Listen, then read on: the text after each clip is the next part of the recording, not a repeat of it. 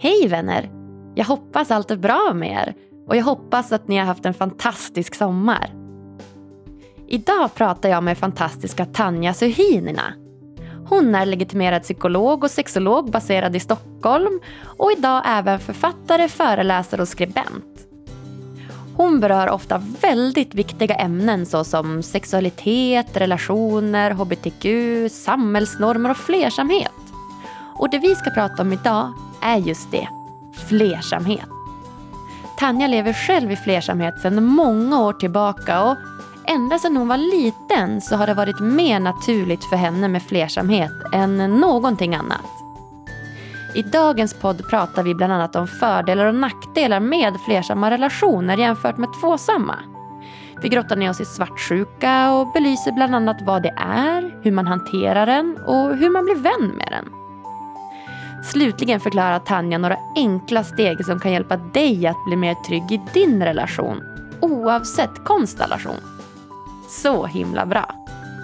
Jag heter som vanligt Agnes Sjöström och den här podden presenteras i samarbete med hypnotication.com. Varsågoda, Tanja Suhinina!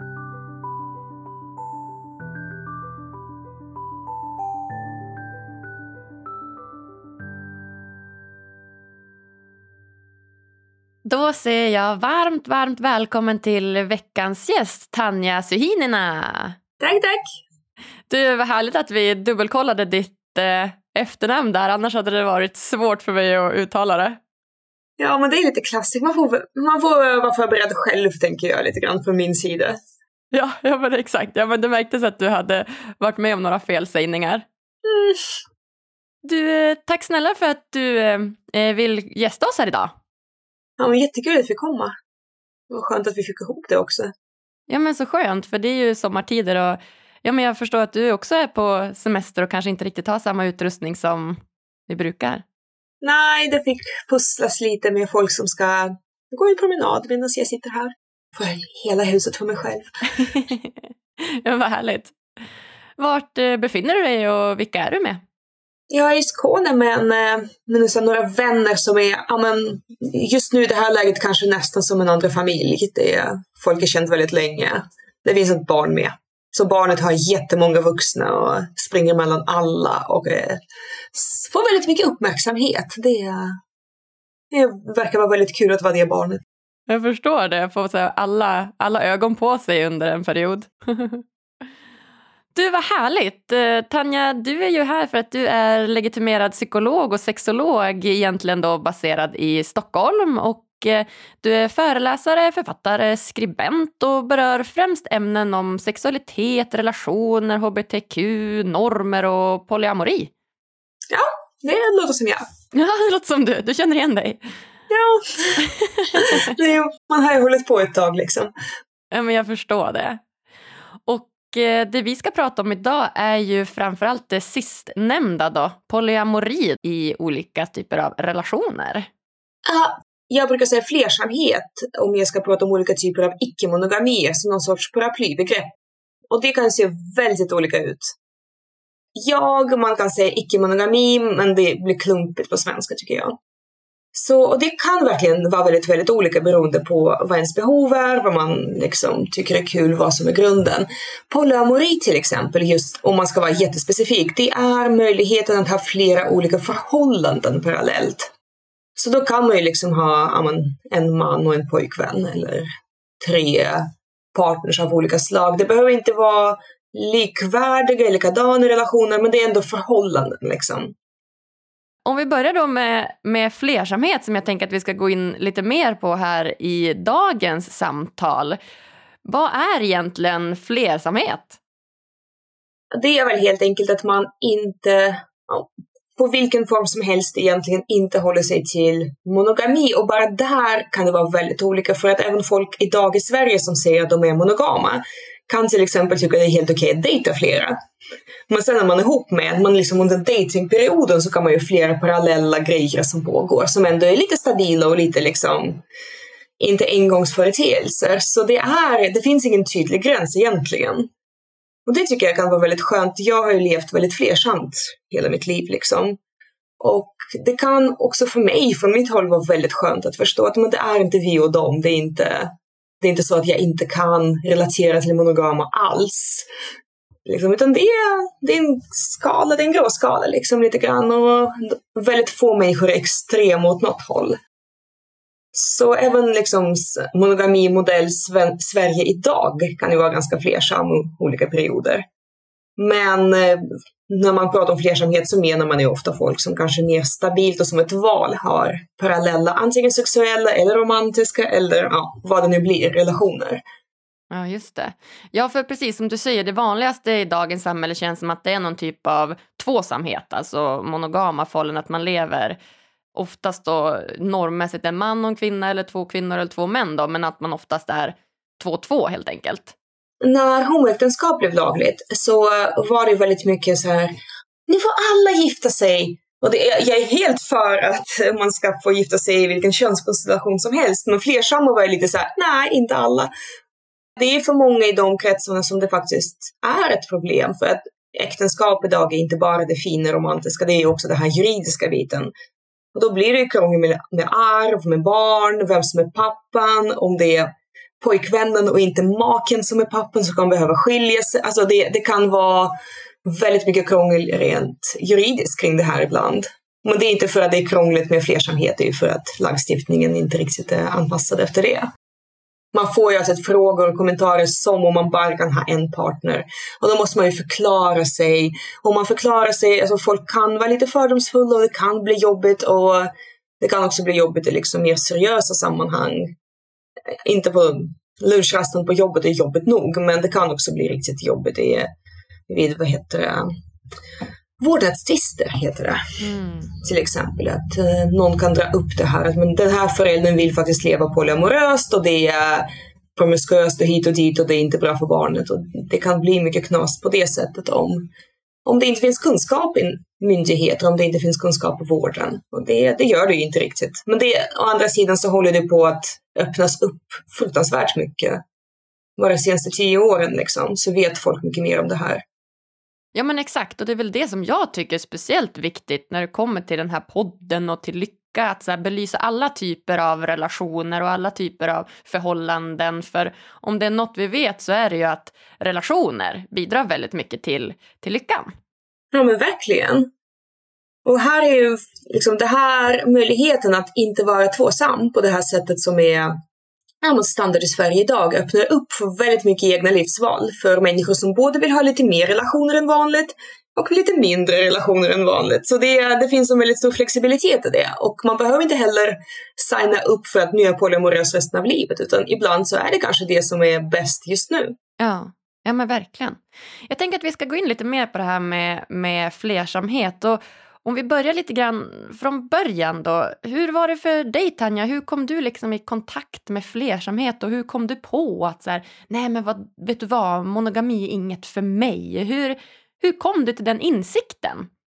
Uh, jag garvar för det får man ju, den här frågan får man ju alltid såklart. Och jag vet inte.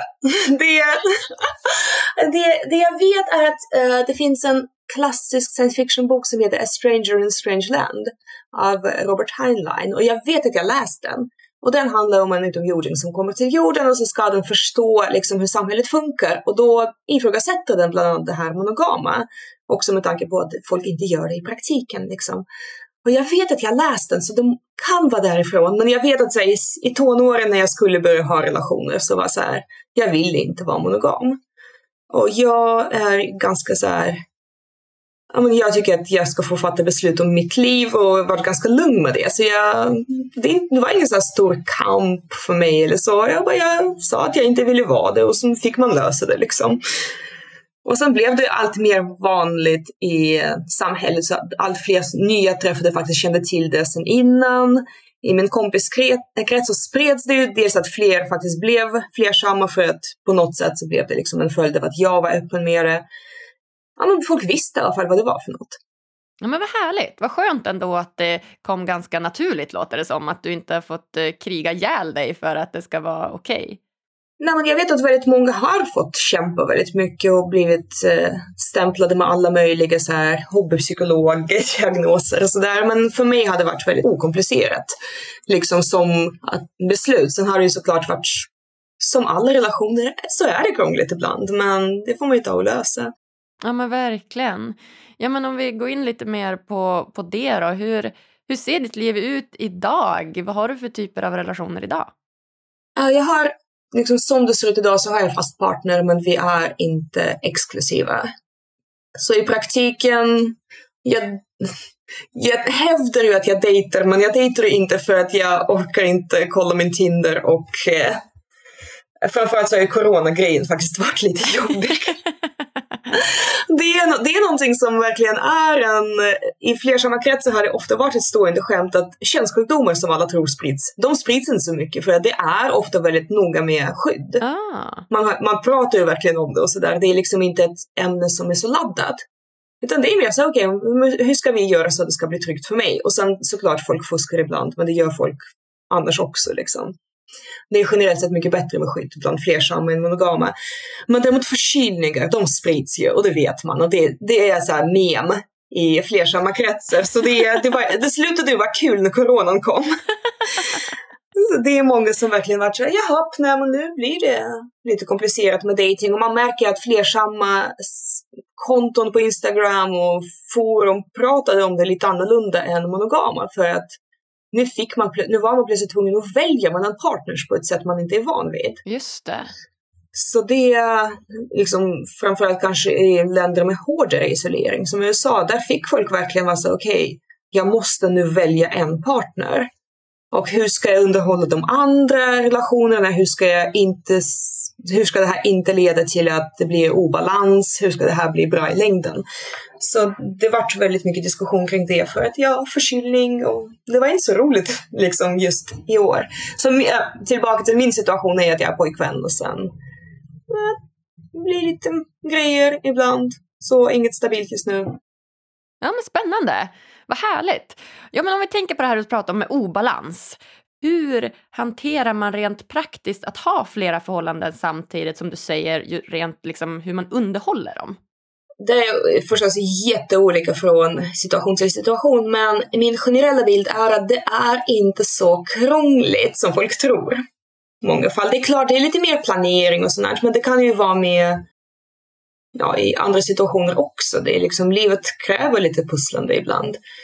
Några saker som kan vara bra att tänka på är dels att Flersamhet löser ju väldigt mycket av de situationer som kan uppstå i exklusiva förhållanden när man ska, ja, men till exempel att eh, jag är gosig min partner är inte gosig och jag saknar gos. Ja men nu får du det från någon annan. Din andra partner liksom. Så väldigt mycket av flersamhet är egentligen inte att krångla till monogama relationer. Det är snarare att krångla ur grejer som kan bli krångliga. Om man ska tänka på det sättet. Så det, det kan ju verkligen vara att man inte ens behöver hålla på med att oroa sig om balans och sådär. För att plötsligt så balanserar saker upp för att alla får det de behöver. Men inte från samma person.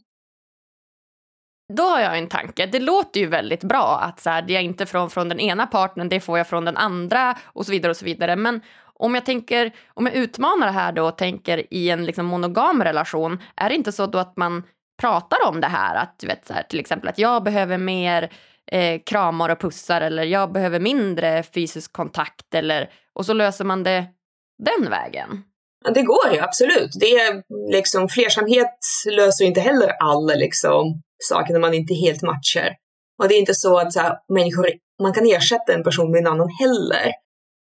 Men eh, det är väl snarare så att man kanske inte behöver kompromissa så mycket alla gånger. Utan det kan vara så att man har en partner som tycker jättemycket om att festa och en partner som är jättebra på att mysa hemma.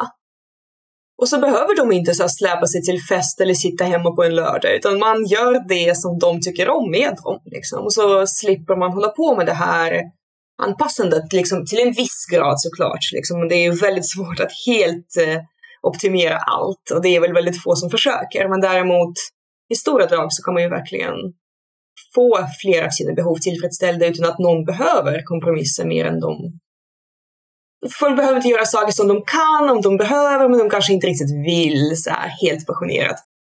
Just det. Så att man minskar den här kompromissen och att man istället kan leva fullt ut den man är kanske? Ja, men precis. Och det uh, om en sak som jag ofta tänker på med det här, om blir det inte krångligt, hur gör man med pusslandet? Det är också det att uh, man, många tänker att flersamhet betyder att man kommer ha fler relationer. Men för vissa betyder det att man har mindre relation. Men eh, på det sättet att man kanske är en sån där som ja, man jobb, är lite gift med jobbet, liksom, det är lite relatable. Eh, man jobbar mycket, man är upptagen, man kanske är så här till sjöss massor med månader, månader om året och då är det svårt, och kanske inte heller önskvärt för den personen att ha en så här familj och barn och sånt där. Man kanske inte vill vara den föräldern som är borta så mycket och man kanske inte vill vara den partner som är borta så mycket. Och då finns alternativet att inte ha långa relationer. Det finns alternativet att ha någon som faktiskt är nöjd med att se ens partner så en gång var tredje månad. Eller så kan man dejta någon och liksom bara ha en partner man ser en gång var tredje månad. Men det är ganska sällsynt. Däremot kan man kanske ha någon som är gift med någon annan och sånt och så har man det här en liksom relationen som är inte så intensivt men lång. För det kan vara svårt att få ihop så långvariga romantiska relationer som inte är intensiva. Och då kan det också vara så att någon kanske behöver tacka nej till barn eller att ha en vanlig så här svennevardag liksom, för att de ska vara ihop med den här hypotetiska sjöpersonen som är ute till sjöss. Liksom. Och i det här fallet så kan personen som är ute till sjöss vara gift med sjön och inte behöva ha dåligt samvete för att försumma sin partner.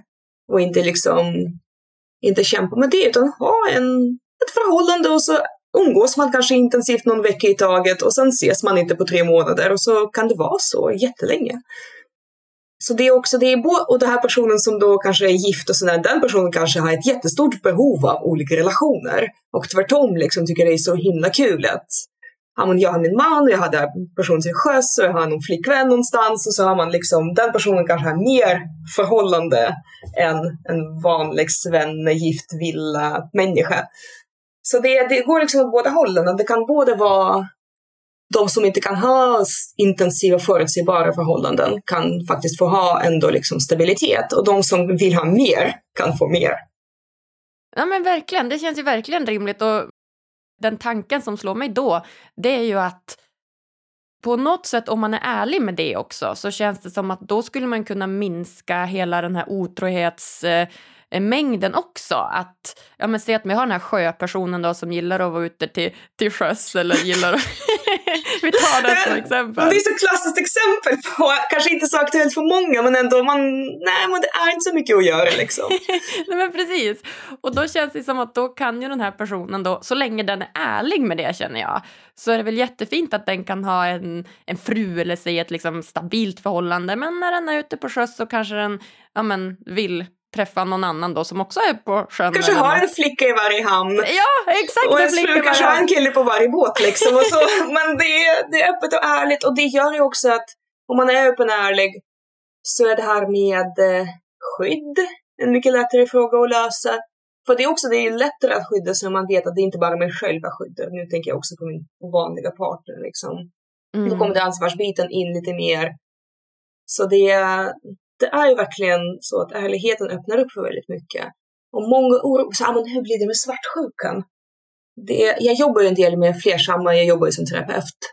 Och jag har mycket vänner och bekanta som gått från monogami till flersamhet. Och svartsjuka är en komplex känsla, så den blir också lite grann, den förändras. Det går ofta inte från att det blir en mängd svartsjuka och så lägger man på en så här flersamhetsbonus av ännu mer svartsjuka. Utan att det, vissa saker blir lättare och andra blir svårare man, för mig till exempel, jag, jag är en av de personer som testade att vara monogam och det funkar inte för mig.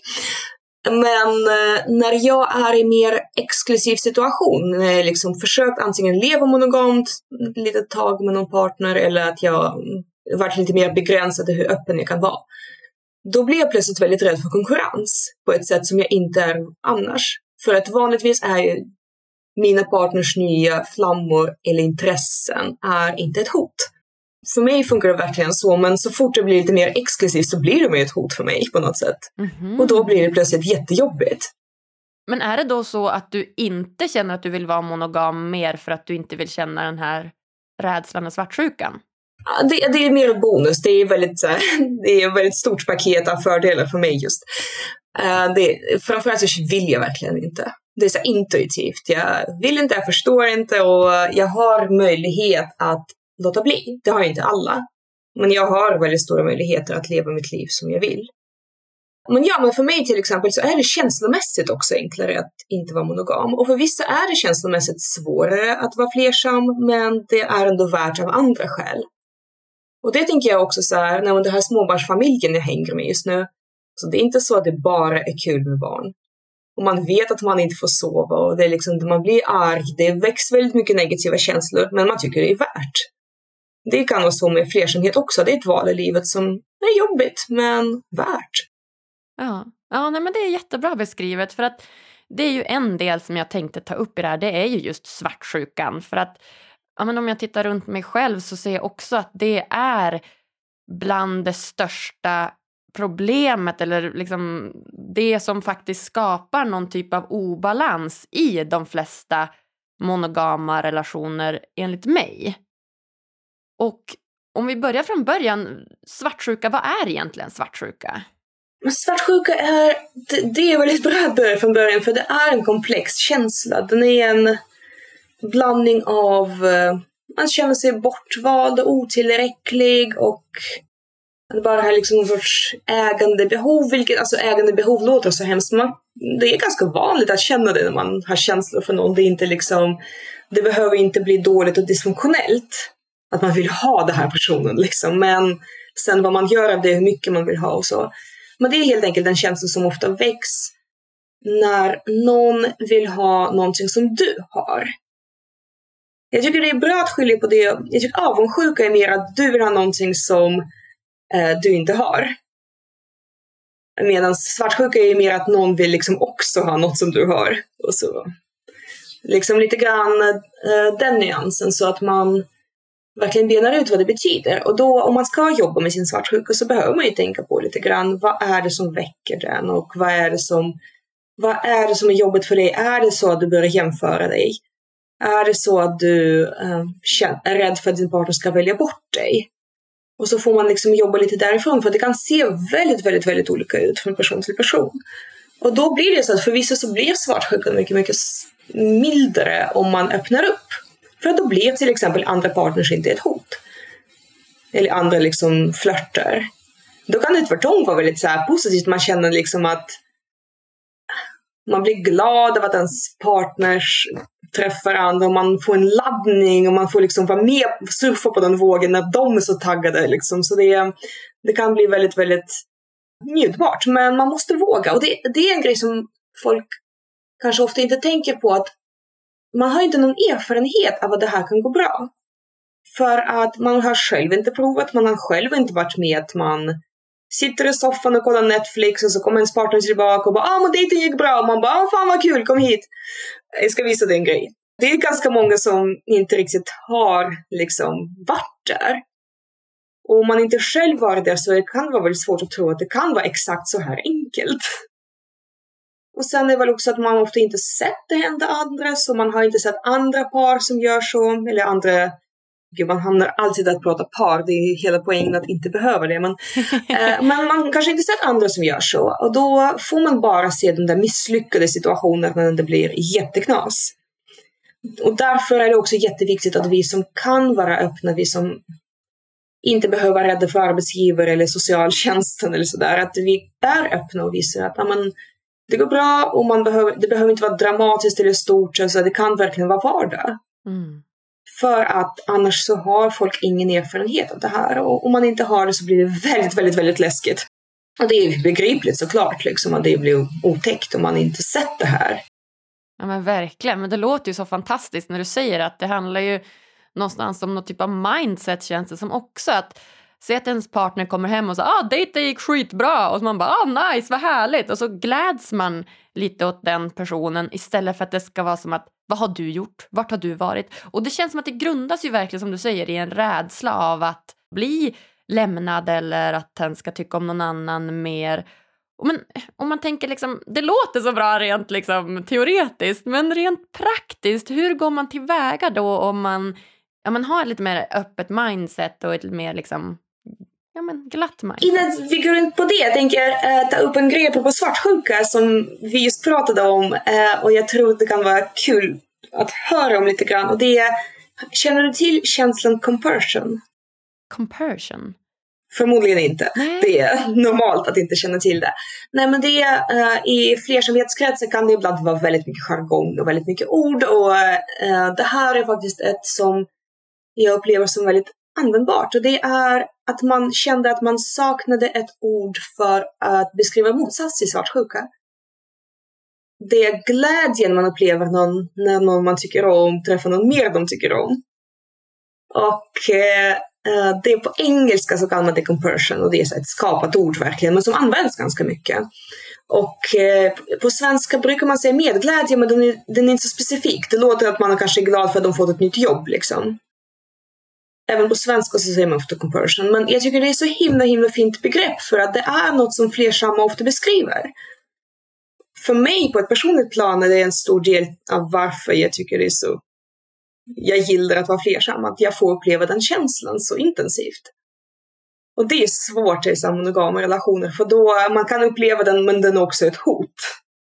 I flersamma sammanhang, det är väl klart man kan bli undanträngt, men det är inte i närheten av på samma liksom, nivå av hot mot förhållandet.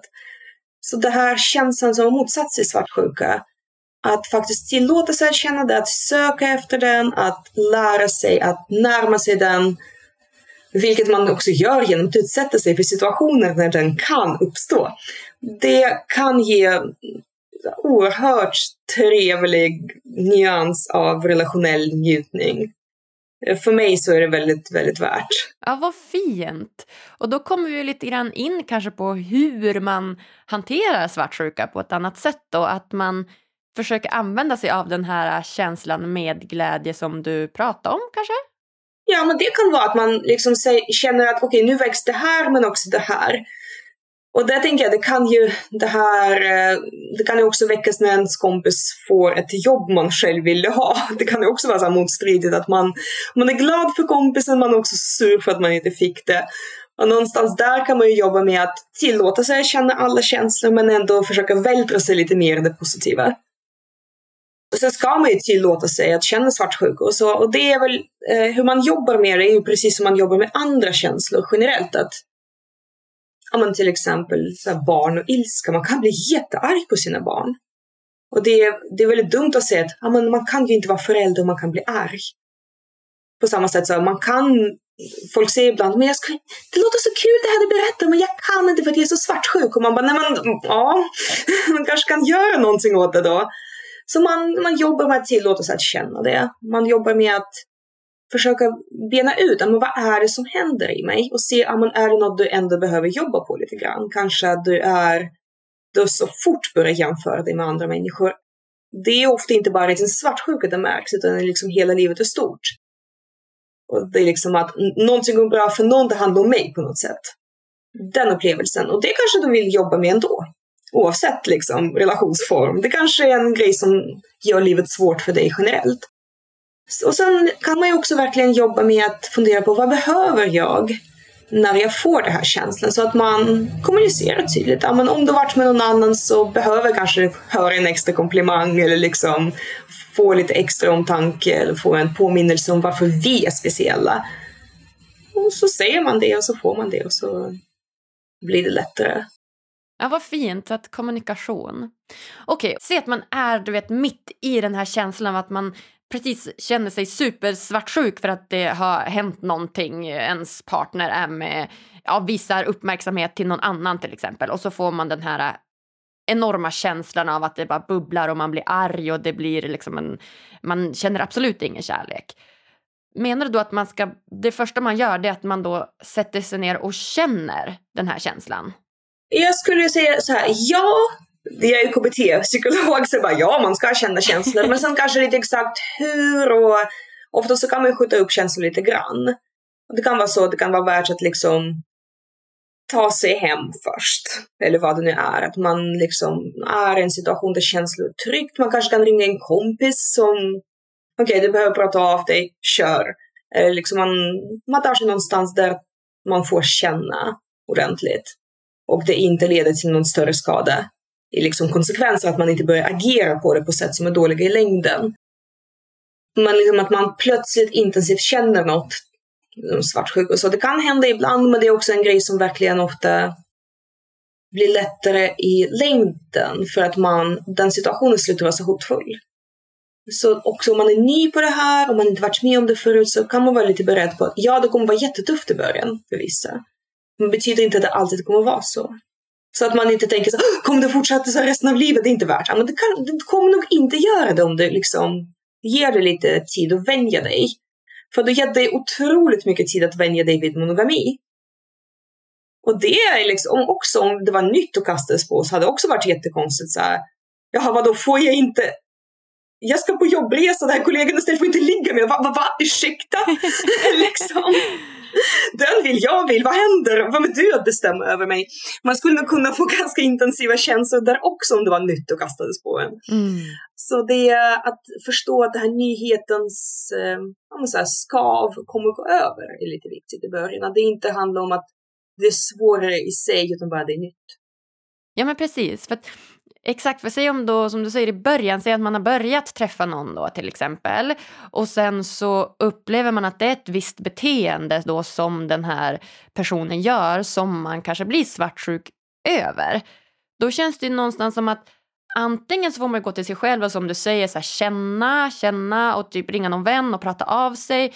Men säg att det här liksom beteendet upprepas och det liksom, för oftast är det ju ganska, kanske samma sak som man blir som triggar de här svartsjukekänslorna vad, vad gör man då? Ska man fortfarande då känna och känna och ringa och ringa sina vänner eller är det bättre att säga till sin partner då eller hur? Jag tänker att om det är liksom exakt samma sak som händer om och om igen, man, man kan ju verkligen tänka att okej, okay, det kommer hända igen. Vad behöver jag för att det inte ska bli så jobbigt? Det är så att man kan kommunicera till sin partner att kan du göra det här grejen innan du gör det här som gör mig svartsjuk så att det blir lite lättare för mig. För det, det, är liksom, man ska kunna prata om svartsjuka. Det är inte så att man som flersam bara låtsas bort att man känner så. Det kommer inte leda någon vart. Det gäller monogama också. Monogama också är svartsjuka. Det, är liksom, det finns ingen frihet från svartsjuka någonstans. Så på det sättet. Men eh, ja, vad behöver när jag känner den här känslan? Det är samma sak om ens partner gör en arg gång på gång. Om ens partner gör en ledsen gång på gång. Det är, mm, en del av att ha ett förhållande är ju att man gör varandra illa på något sätt. Det är en del av att ha en relation att man ibland blir ledsen på varandra eller trött eller liksom att man ibland gör saker som man vet att ens partner inte kommer uppskatta. Och konsten är att göra det med så lite skada som möjligt, göra det så omtänksamt som möjligt. Så det gäller både liksom den som blir sårad att kunna kommunicera, ett, jag blir sårad, två, det här kan du göra för att det ska vara lättare, före, under, efter sådär och vara ärlig om det så att man inte liksom låtsas bort det och gör sin partner till ofrivillig skurk. För det kan ju också vara så, aha, okej, okay, men du sa det var okej. Okay. Jag litade på det. Jag hade kunnat ställa in, jag hade kunnat göra något annat, men du sa det var okej. Okay. Det är inte heller liksom snällt. Men så det kräver att ena sidan är verkligen tydlig att veta vad den känner och kommunicera och andra sidan också ta ansvar för att ah, det här, nej, det är inte superpopulärt. Men jag gör det här och det här före, under, efter och jag ser till att den skadan inte blir värre än det behöver vara. Och det är ju samma grej som i alla andra saker man gör i förhållanden. Att man gör en aktivitet med barnen som partnern inte uppskattar. Att man eh, planerar in något annat på semestern. Det, det finns ju alltid jättemycket saker och det det är, det är liksom, det är, jag tycker det är en av de viktigaste relationsfärdigheterna att kunna göra varandra illa på ett bra sätt.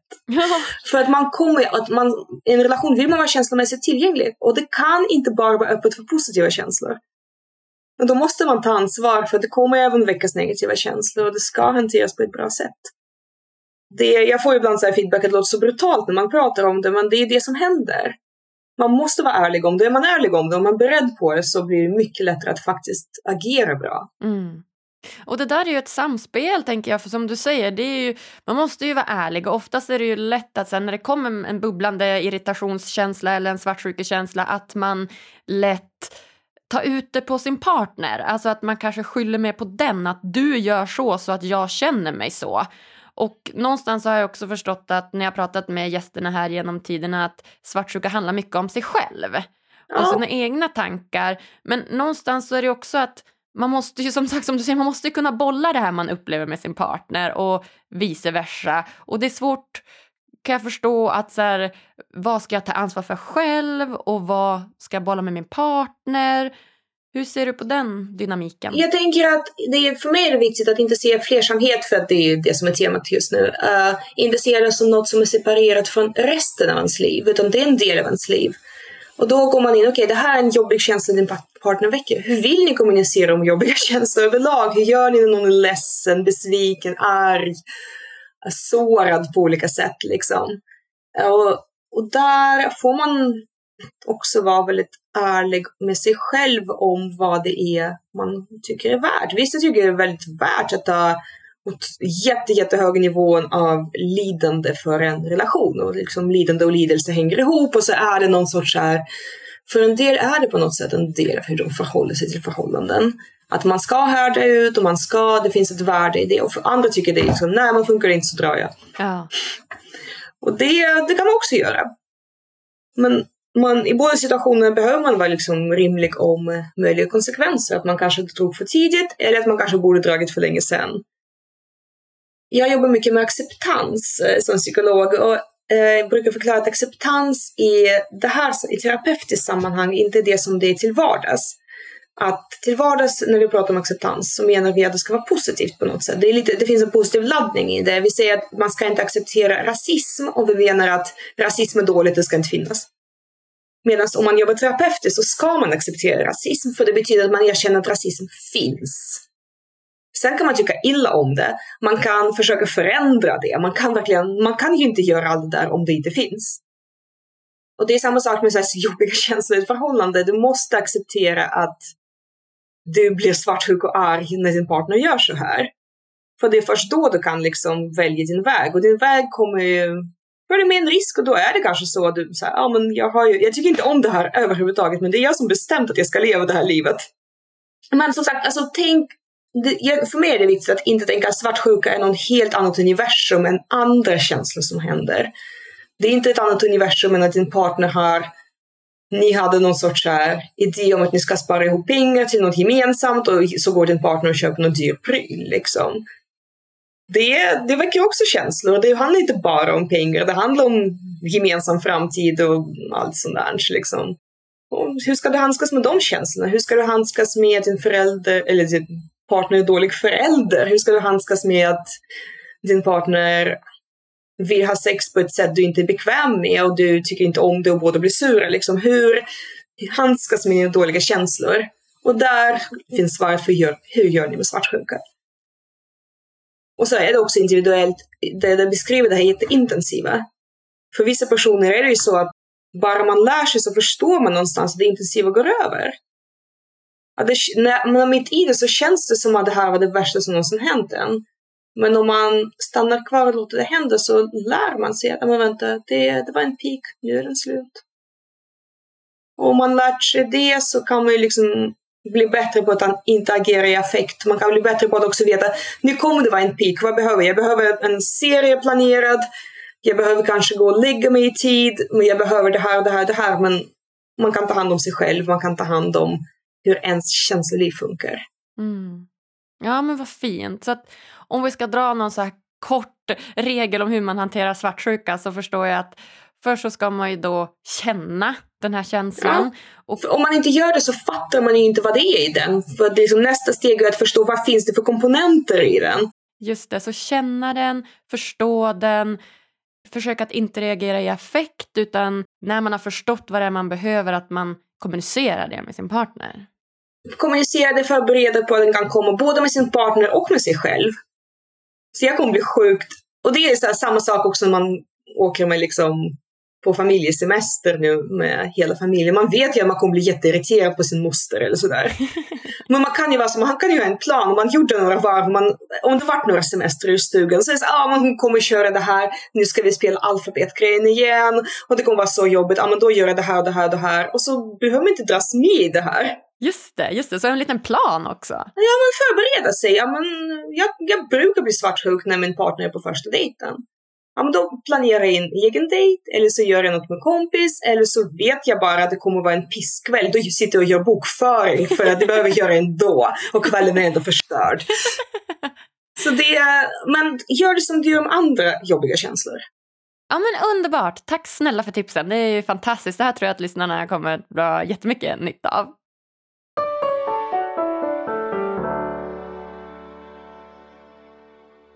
Vill du stärka din självkänsla, sova gott och må bättre? Då borde du testa vägledd självhypnos. Det enda du behöver göra är att lyssna, slappna av och följa instruktionerna. Gå in på hypnotication.com och hitta dina favoriter idag. Ange koden LYCKA för 15% rabatt på hela köpet.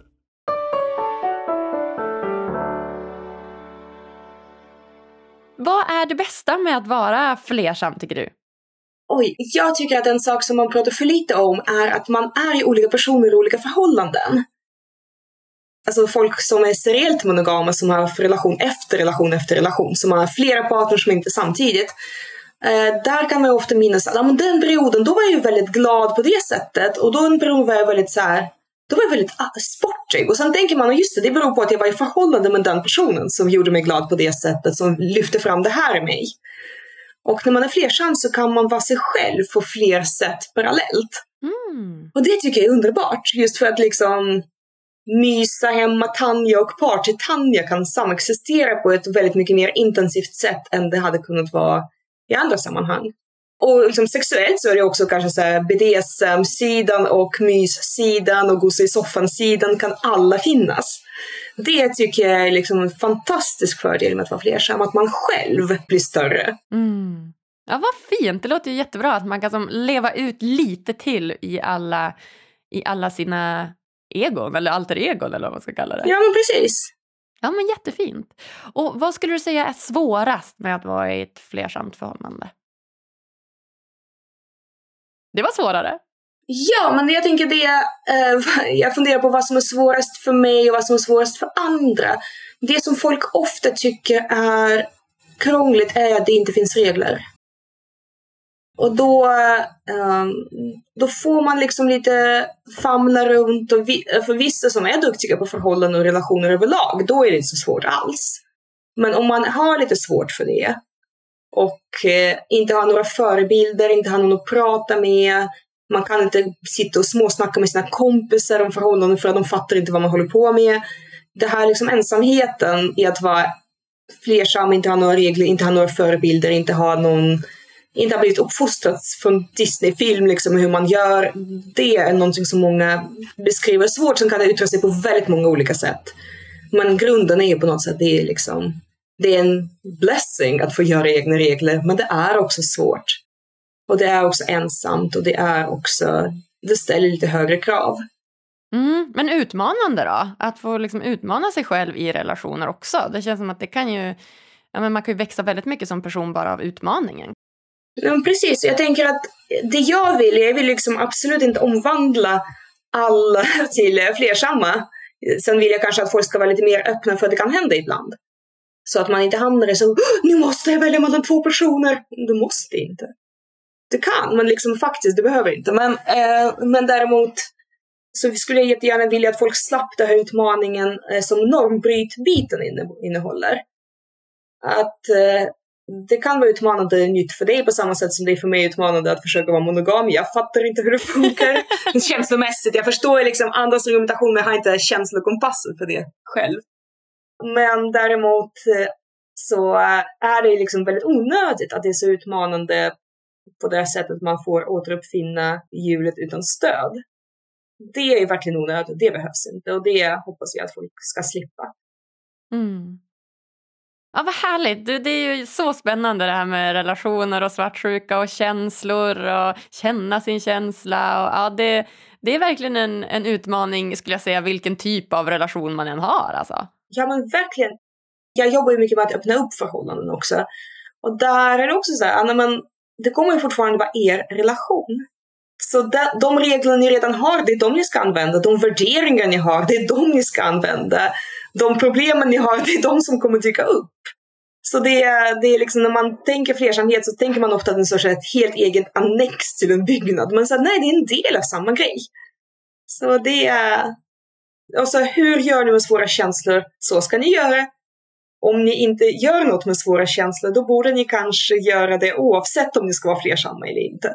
Så det är egentligen exakt samma relationsfärdigheter som alltid, bara lite nya situationer. Ja. Ja men så himla fint, jättebra. Vilka superbra tips du kommer med här. Det är ju... Gud vad roligt att få prata om det. Ja, ja men man blir som så glad då när man får massa tips och tricks och det, ja, men det är kul att prata om, verkligen. Du, jag tänker att vi ska gå in på de sista frågorna här innan vi lämnar varandra, du och jag. Och eh, det första är ju, vad gör dig riktigt lycklig? Jag måste faktiskt säga, att det är nog riktigt bra sex. Vad härligt! Ja, jag kan inte annat än hålla med dig. Riktigt bra sex, det blir man ju riktigt lycklig av. Underbart. Och eh, om du fick eh, ge lyssnarna en utmaning som de kan göra varje dag för att bli lite lyckligare, vad skulle det vara då? Du bara, ha mer sex. Nej. Nej, faktiskt. Det, det jag tycker är viktigt är att man blir bättre oavsett att fundera på vad skulle vara skönast eller roligast just nu?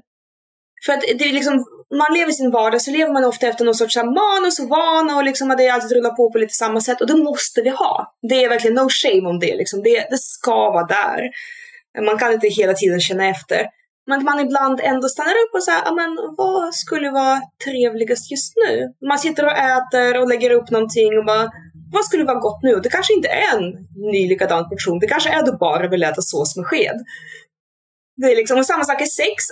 Om det är hångla som du vill fortsätta med, fortsätt hångla. Man kan hångla i flera timmar, det var jättebra. Det är, om det är det, det behöver inte gå vidare till något annat om det är det som är skönast just nu. Så det är liksom då och då stanna upp och vad skulle vara skönast och roligast nu? och tillåta sig att fortsätta göra det man redan gjorde om det faktiskt är att det fortsätter fortsätta kolla på community. Ja, men då klickar så här, när Netflix frågar känn efter, är det det som är roligast nu? Gå vidare. Och om det faktiskt är något annat, om det känns såhär, nej, jag, nej, jag faktiskt bara sitter och kollar, alltså, jag är inte ens med. Ja, men gå och duscha länge eller måla naglarna eller något annat som du tycker är roligt. Men att faktiskt ställa sig den frågan regelbundet när man är på samma så vanliga spår som man följer. Ja, men jättebra. Känna efter vad tycker jag skulle vara nice och skönt och kul just nu. Mm, och behöver inte eskalera, behöver inte prestera, behöver liksom, som sagt om det är att fortsätta småknappra på det här salladen och snor från en annans tallrik, fortsätt med det. ja men verkligen, vad härligt.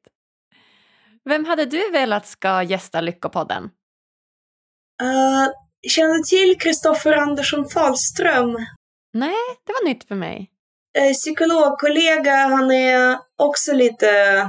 Han, vi samarbetade i en annan podd tidigare. Han har lite poddvana, men framförallt så pratar han väldigt mycket, det jag säger att han skriver på sociala medier och sånt, om unga killar och så överlag liksom alltså wellness fast för män. Okej. Okay. Och det tycker jag är ett ämne som man ja, men jag tycker det är intressant för jag tycker att väldigt mycket ändå lätt går in på att det är en sån här tjejgrej att må bra.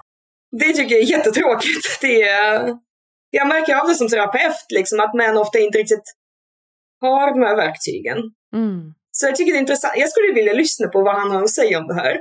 Det skulle jag vilja höra ett helt avsnitt. Ja, vad kul! Ja, men du, det ska jag verkligen ta med mig. Det låter ju jättespännande. Och eh, om man vill komma i kontakt med dig, hur gör man då? Om man googlar mitt namn så finns det typ bara en. Ja. Så det är ganska lätt. Det. Men det är eh, tanja.sohinina på Instagram heter jag. Om man söker på Tanja Sohinina på Facebook så hittar man också mig och så kan man ju bara söka tanjasohinne.com så finns min hemsida där. Och där finns lite länkar till andra poddar och länkar till saker jag skrivit och blogg och allt möjligt. Ja men fantastiskt. Ja, nej, är det något eh, slutligen som du känner att du vill dela med dig av här till eh, lyssnarna? Nej, det känns som att nu kom någon sån magiskt tecken på att det är nog dags att avrunda för min del. Ettåringen har inte sprungit in och försökt slicka mig i ansiktet än. Nej, jag ser det, att det börjar bli dags att runda av här när det kommer in lite Ja. människor i rummet och så. Så att eh, det ska vi göra, Tanja. Jag säger tusen, tusen tack för att du kom och gästade oss här på Lyckopodden. Tack för att du fick vara med. Ja, vilka toppentips hörni. Det märks verkligen hur kunnig hon är, Tanja Suhinina. Tycker ni det här var lika bra som jag? Prenumerera gärna på Lyckopodden, följ oss på sociala medier och ge oss fem stjärnor på iTunes. Tack för att just du lyssnar. Vi hörs på tisdag igen. Puss och kram!